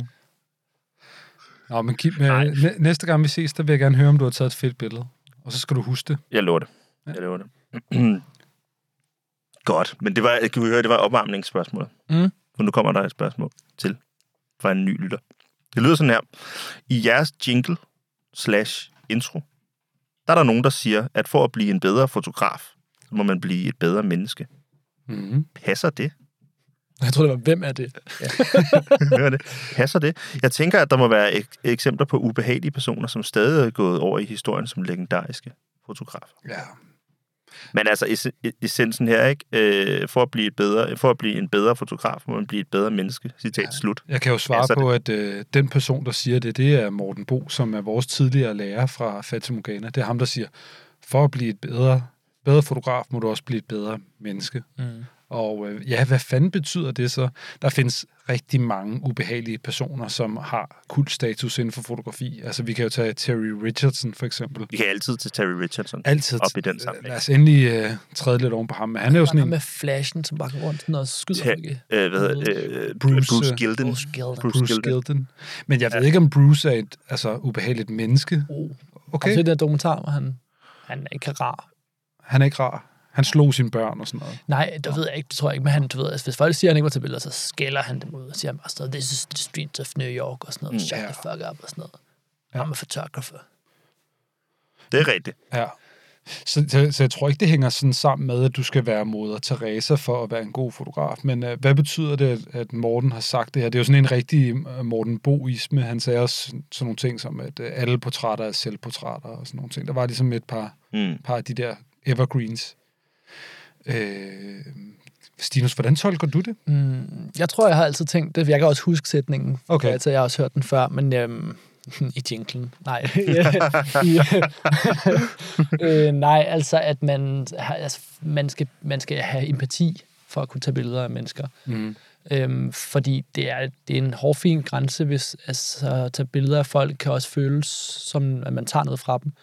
Så jeg har det som om, at hvis man er et godt menneske, har man også en masse empati. Og de fotografer, jeg kender, der er bedst til at tage billeder af mennesker, er de mest empatiske mennesker, jeg kender. Altså dem, som kan, virkelig kan sætte sig ind i, Ja. hvordan de mennesker, de tager billeder af, eller andre mennesker øh, har det og Ja. føler. Øhm, og det kommer der rigtig gode billeder ud af. Ja. Øhm, folk, som har svært ved at være omkring mennesker, eller i rum med mennesker, eller øh, har måske lidt svært ved at sådan, Mm. komme ind til folk. Jamen, det har jeg også altid øh, tænkt over, fordi den der sætning har altid levet meget med mig, at når projekterne ikke var gode nok, så er det fordi, jeg ikke øh, kom ordentligt ind i dem. Øh, altså det der med, hvis du gerne vil være en nysgerrig fotograf, så skal du også være et nysgerrigt menneske. Altså du skal prøve at sætte dig ind i, hvad handler det her om? Hvad er essensen af det projekt, du står overfor, eller den person, du står overfor? Øh, du, du, du kan ikke bare øh, komme ud og være sådan, nu skal jeg tage nogle billeder af nogle blinde mennesker, hurtigt ind, hurtigt ud. Altså du bliver nødt til ligesom at sætte dig lidt ind i, hvad, hvad er deres virkelighed? Hvad handler det om for dem? Og sådan noget. Altså det der med at være menneske først, før du er fotograf. Det var altid sådan, jeg i hvert fald tolkede den. Øh, det handlede ikke om, hvor mange penge jeg donerede til velgørenhed, eller noget i den stil. Men, øh, men menneske først måske. Ja, Det synes jeg er en udmærket, udmærket tolkning, hvis jeg skal bidrage til den. Så jeg har lyst til at, at øh, tale det her citat videre og sige, så sige det her med, og hvad hedder det, øhm, at være nødsaget til at blive et bedre menneske, det, for at være en bedre fotograf. Det kan også vende vendes om, eller i virkeligheden fungerer de to ting hos fotografer, der arbejder i længere øh, tid med mennesket som subjekt især. Der begynder det at være et feedback loop, ikke? Altså, at der kan man også godt vende citatet om lige pludselig at sige, at for, for at blive bedre menneske, så øh, er du nødt til at blive en bedre fotograf. Altså, foto, fordi fotografiet og kameraet er også et redskab ind i de situationer, der kan gøre dig til et bedre menneske. Ja, fordi det fulde, det fulde citat fra, fra, fra Morten dengang, det var jo faktisk, hvis du vil blive en bedre fotograf, så må du blive et bedre menneske, og vil du blive et bedre menneske, så må du blive en bedre fotograf. Nå, sagde han det? Ja, det er faktisk det fulde, Okay. så det passer jo rigtig, rigtig godt ind i det der. Jamen, det er præcis det, jeg mener, fordi, Øh. for, for det, er, det, er, det er et feedback loop. Det, det, Jamen, det er det jo, men ja. det er også det der med, at fotografi kan jo, for mange er det jo bare et værktøj. Altså for eksempel som øh, Jakob Sobol, som du har været øh, øh, assistent for blandt andet. Mm. Han har jo også virkelig bare brugt det som et værktøj for at møde folk og komme ind i andre folks liv og lære folk at kende. Fordi han er i virkeligheden et ret stille og øh, Genert. genert menneske, men, men med, via kamera har han en indgang til faktisk at komme hen til folk, ikke? Og det er der rigtig mange fotografer, der, der kan bruge det som en dåseåbner til at komme ind på folk. Hvor er det godt, vi har Stinus med i dag. det synes jeg også. I denne brevkasse. Mm. Har du mere til at skime? Jeg synes, vi skal parkere den her ved det her enormt... Øh, Du har ikke en soft landing? Spørgsmål. Nej, ikke i dag. Nå. Jeg har lært af min... Øh... nej, jeg har ikke lært af noget som helst. Men, øh, men nej, jeg, jeg synes heller ikke helt, vi er færdige med den i virkeligheden. Men du er heller ikke, øh, du fotograferer jo heller ikke længere, så du er heller ikke et godt menneske længere. Jeg fotograferer. Jeg er begyndt at fotografere igen. Man kan diskutere, om Billingham var et godt menneske, jo, ikke? Det Det er synes jo også jeg. det, der var det spændende. Derfor Kim, han stod, det stiller Mhm. spørgsmålstegn ved, om vi må se det, ikke? Fordi at Ja. det ikke er fotograferet specielt empatisk. Altså, men det kan man diskutere. Altså, det, det, jeg tror også, altså, mod, grunden til, at han bliver, altså, grunden til, at han bliver fotograferet, det er jo også en form for empati. Mm. Mm. Altså, hvis man var helt ligeglad, så havde man lavet være. Ja. Så havde man ikke givet en skid. Så havde man bare skrevet smukke til ja, døren. Ja. ja, ja. Det er rigtigt. Ja. Så, så, så, så bare det at være der, Ja. Men det åbner også for en kæmpe diskussion omkring hele det her med, sådan, kan man separere personen fra værket? Hvad hvis værket er godt, men personen er forfærdelig? Ikke? Uh, Uh, ja. Ja. Men, det, men Stinus, du taler jo ind i, i påhængsspørgsmålet fra vores lytter her, jo ikke, som jo lyder, tænker, at der må være øh, eksempler på ubehagelige personer, som stadig er gået over i historien som legendariske fotografer. Mm. Det er sådan lidt touchy. Er der, er der nogen, vi sådan... Vi var lidt inde på det. Ej, ja, altså Terry Richardson, Richardson, Richardson er ikke? jo anerkendt røvhul, Ja, og har gjort en karriere ud af at være lidt af et røvhul. Ikke? ja.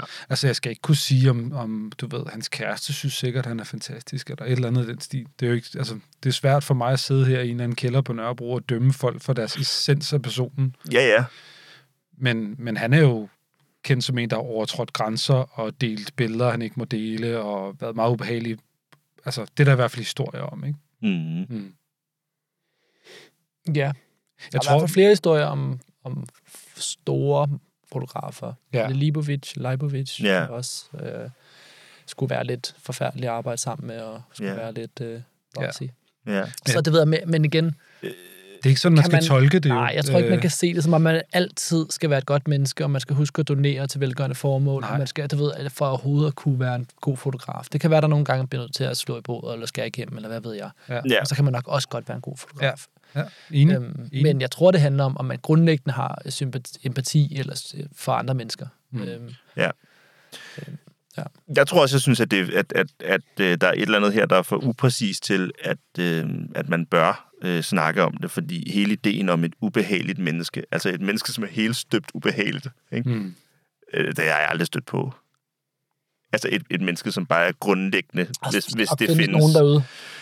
Ja, men så skal man fandme kende dem godt, før man kan komme med den, øh, øh, den, den tolkning også, uden øh, Ja. at finde... Altså, så kan man nok også... Nej, Jeg tror, David Bowie vil være god til at sige, at man er aldrig bare én ting. ja. Men en ting, der er sikkert, det er, at Kims brevkasse er god. Helt ind til benet.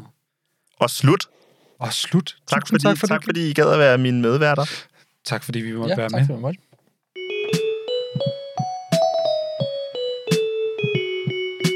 Håber I lyttede på verden. Kim Katten, det var hans brevkasse. Jeg lyttede i hvert fald på mine medværter. Og ja, det var nemlig hans brevkasse. Nu skal vi øh, til at slutte, men før det, så skal vi lige have en anbefaling, og den anbefaling kommer fra vor- vores øh, gæst, Stinus Duk. Stinus, vi bad dig om at tage en anbefaling med. Du kan være, øh, snakke med din mor, øh, lytte til det her album, se den her film. Hvad har du øh, med, os til, med til os i dag? Øhm, ej, jeg kan ikke være her uden at anbefale, at man øh, går ud og anskaffer sig én fotobog. Det kan være øh, En. minimum. Okay. Øh, men man kan for eksempel øh, browse på mit forlags øh, bøger, eller nogle andres. Men jeg synes, øh, man i mindste skal, skal unde sig selv øh, at gå ud og se, hvad det er for noget. Hvor, Øhm. hvor skal man gå hen, hvis man er interesseret i fotobøger? Hvor, øh, altså, på nettet enten- eller i... Ja, men min hjemmeside, selvfølgelig forlags hjemmeside, men øh, ellers så øh, Bodil øh, fra Fragment øh, Photobooks. Mm-hmm. Øh, ja, ja, men det, øh, Hun har en hjemmeside. hun har en øh, rigtig god hjemmeside, som har rigtig mange gode bøger. Ja. Øhm, ja. Ja, desværre er butikken lukket nu. Det er lidt ærgerligt. Ja. Øhm, ellers er der rigtig mange fede forlag. Jeg kan rigtig godt lide et fransk forlag, der hedder Loose Joints, og der er også et fransk forlag, der hedder Jus Commune, øh, eller Stanley Barker i England, Mhm. eller øh, Journal i Sverige. Super fede. Mhm. Øhm, ja, mange gode. Man kan følge på diverse sociale medier, Instagram. Det er altid hyggeligt. Folk, øh, Art Paper Editions fra Amsterdam, de Ja. er mega fede. Øh, ja. Øh, men er rigtigt, det er jo en lang øh, og, øh, anbefaling til alt muligt, men øh, ellers så kan man bare gå ned på kunstbiblioteket, hvor jeg var nede og låne øh, Raise a Laugh. Altså, Ja. du ved, det er gratis. Ja. Man har kun i 14 dage. Så du ved, sådan for mig er det jo helt umuligt, ikke? for jeg kan jo ikke, altså jeg skal jo ned og aflevere den igen. Hmm. Og det heldigvis har de ligesom plastret den til med sådan noget grimt plastik og sådan noget, som de gør i bibliotekerne, så man ikke har lyst til at rigtig eje den. Men, Hmm. men, øh, men, men man kan heller ikke eje den, den er for dyr, ikke? Jo. Ja. Men man kan, man kan, man kan sneak peeke lidt øh, dernede, og det er gratis. Øhm, Må jeg lige spørge, øh, er du egentlig øh, er du en samler i forhold til foto- og kunstbøger? Altså har du en stor samling af bøger derhjemme? så skulle jeg være for den der wealthy et eller andet. Okay. Men nej, jeg har en samling. Okay. som jeg sådan næsten ikke kan kalde en samling. Men jeg, jeg køber fotobøger, ja. Ja. Det kan jeg ikke lade være med. Men øh, altså, er du sådan en, øh, når du er ude og kigge på bøger, går du også op i sådan, om det er første eller anden edition og sådan noget? Altså, at du samler på den måde? Nej, ikke, Nej. ikke så meget. Jeg er desværre blevet lidt fagblind. Altså, det kan man blive. Altså, da jeg var i- på, på, på messe der, eller hvad hedder det, festival det sidste uge, så der var så mange fantastiske bøger, men jeg kommer nogle gange til at øh, dykke ned i produktion, altså fordi jeg er blevet så fagagtig. Så sådan noget, wow, hvad er det for noget papir, det her, og hvordan er den bundet, den her, og du ved, synes en bog, hvor jeg, mm, når man arbejder så meget med sådan noget teknisk, så, så, nu, så mister man den der med, at man bare kan se en bog for det, der er på billederne. Ja. Øhm, øh, og fordi jeg kommer til at kigge på, øh, hvordan den er produceret også, og Ja. får en masse idéer og Ja. inspiration af den vej. Så øhm, øh, ja, det, det øh, jeg forstår. Nogle køber jeg også bøger, fordi de er spændende produceret. Ja. Øh, fordi jeg synes, det er sjovt, hvordan Nå, er okay. lavet. Ja.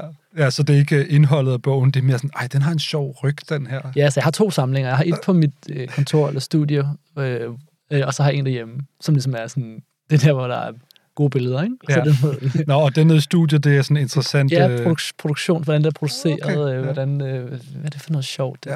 Det, sådan, ja der er sådan, Okay. Mm. ja.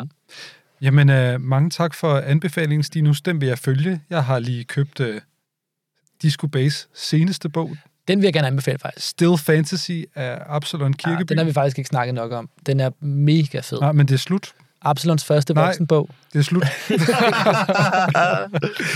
øh, den vil jeg gerne anbefale, at man tjekker ud. Den er rigtig, rigtig flot, og en ordentlig mobbedreng. Og nemlig, som du siger, Absalons første voksenbog. Altså, Ja. det er ja. Ja. fordi, han har udgivet nogle tyndere og Ej, han har lidt mere sjove masse bøger. bøger på, ja. på et forlag, han selv er, er, er med til at, at lave bøger på. Men, øh, men, men det er et første bog på et andet forlag, som ikke er noget, han selv har, Ja. har været med til. Og, og det er mega fedt at lave, og det er bare en virkelig, virkelig fed bog, hvis du spørger mig. Så jeg, jeg var overvejet faktisk at tage den med som sådan, den her er for, øh, at, den er mega fed lige nu.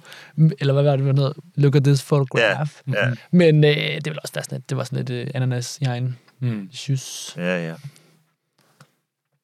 Og, Det er også en voksenbog, fordi den er, den, det er hard, det er hard, øh, hardcover, ikke? Og det er... øh, Jamen, vi har alligevel gjort den så, så, så tæt på ikke at være sådan, du ved, voksenbog, men ikke at have nogen øh, øh, kapitalbånd og oh, ja, sådan okay. en okay, okay, flad, okay. øh, lø- løs ryg hedder det sådan. Den er ikke så, sådan, du ved, den er ikke så pretty, eller sådan, Nej, Mm. nej, nej, nej, nej.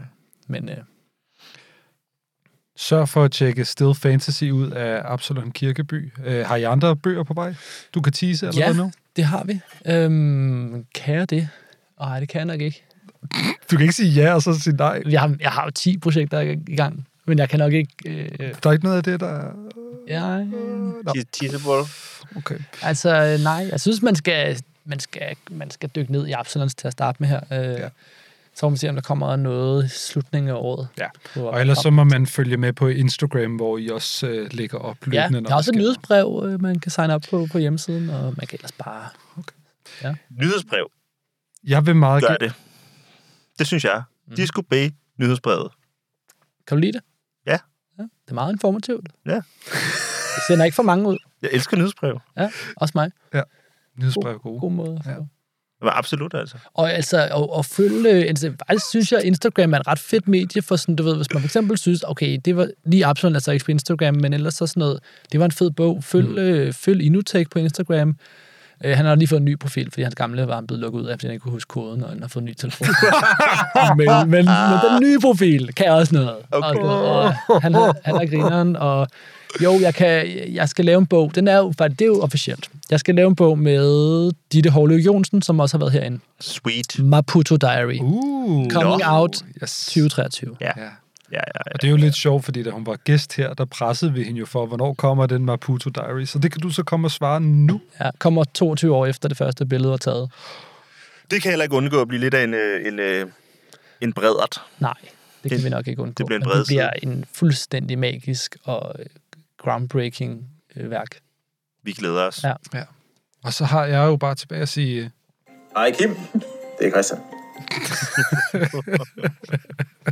Hej Christian, det er Kim. Ej, tusind tak, fordi du gad at være med i dag, Stinus. Det er en fornøjelse. Det var en fornøjelse. Det var en fornøjelse. Ja, tusind, tusind tak, fordi du vil være gæst her i Fotoklubben. Tak til dig, Kim, for at være min medvært. Tak til dig, Christian, for at have været min. Og tusind tak til Kasper K. for at lave vores jingle, og Juliane for at lave vores speak. Hvis øh, man kunne lide, hvad vi lavede, så må man meget gerne følge os på Instagram. Lige nu laver vi blandt andet en giveaway med nogle billetter til en biografpremiere på en dansk film om fire fotografer. Den er nok slut, når det her afsnit er ude, men øh, det er sådan nogle ting, man kan se på vores Instagram. Så er der ikke meget mere end at sige, øh, vi ses.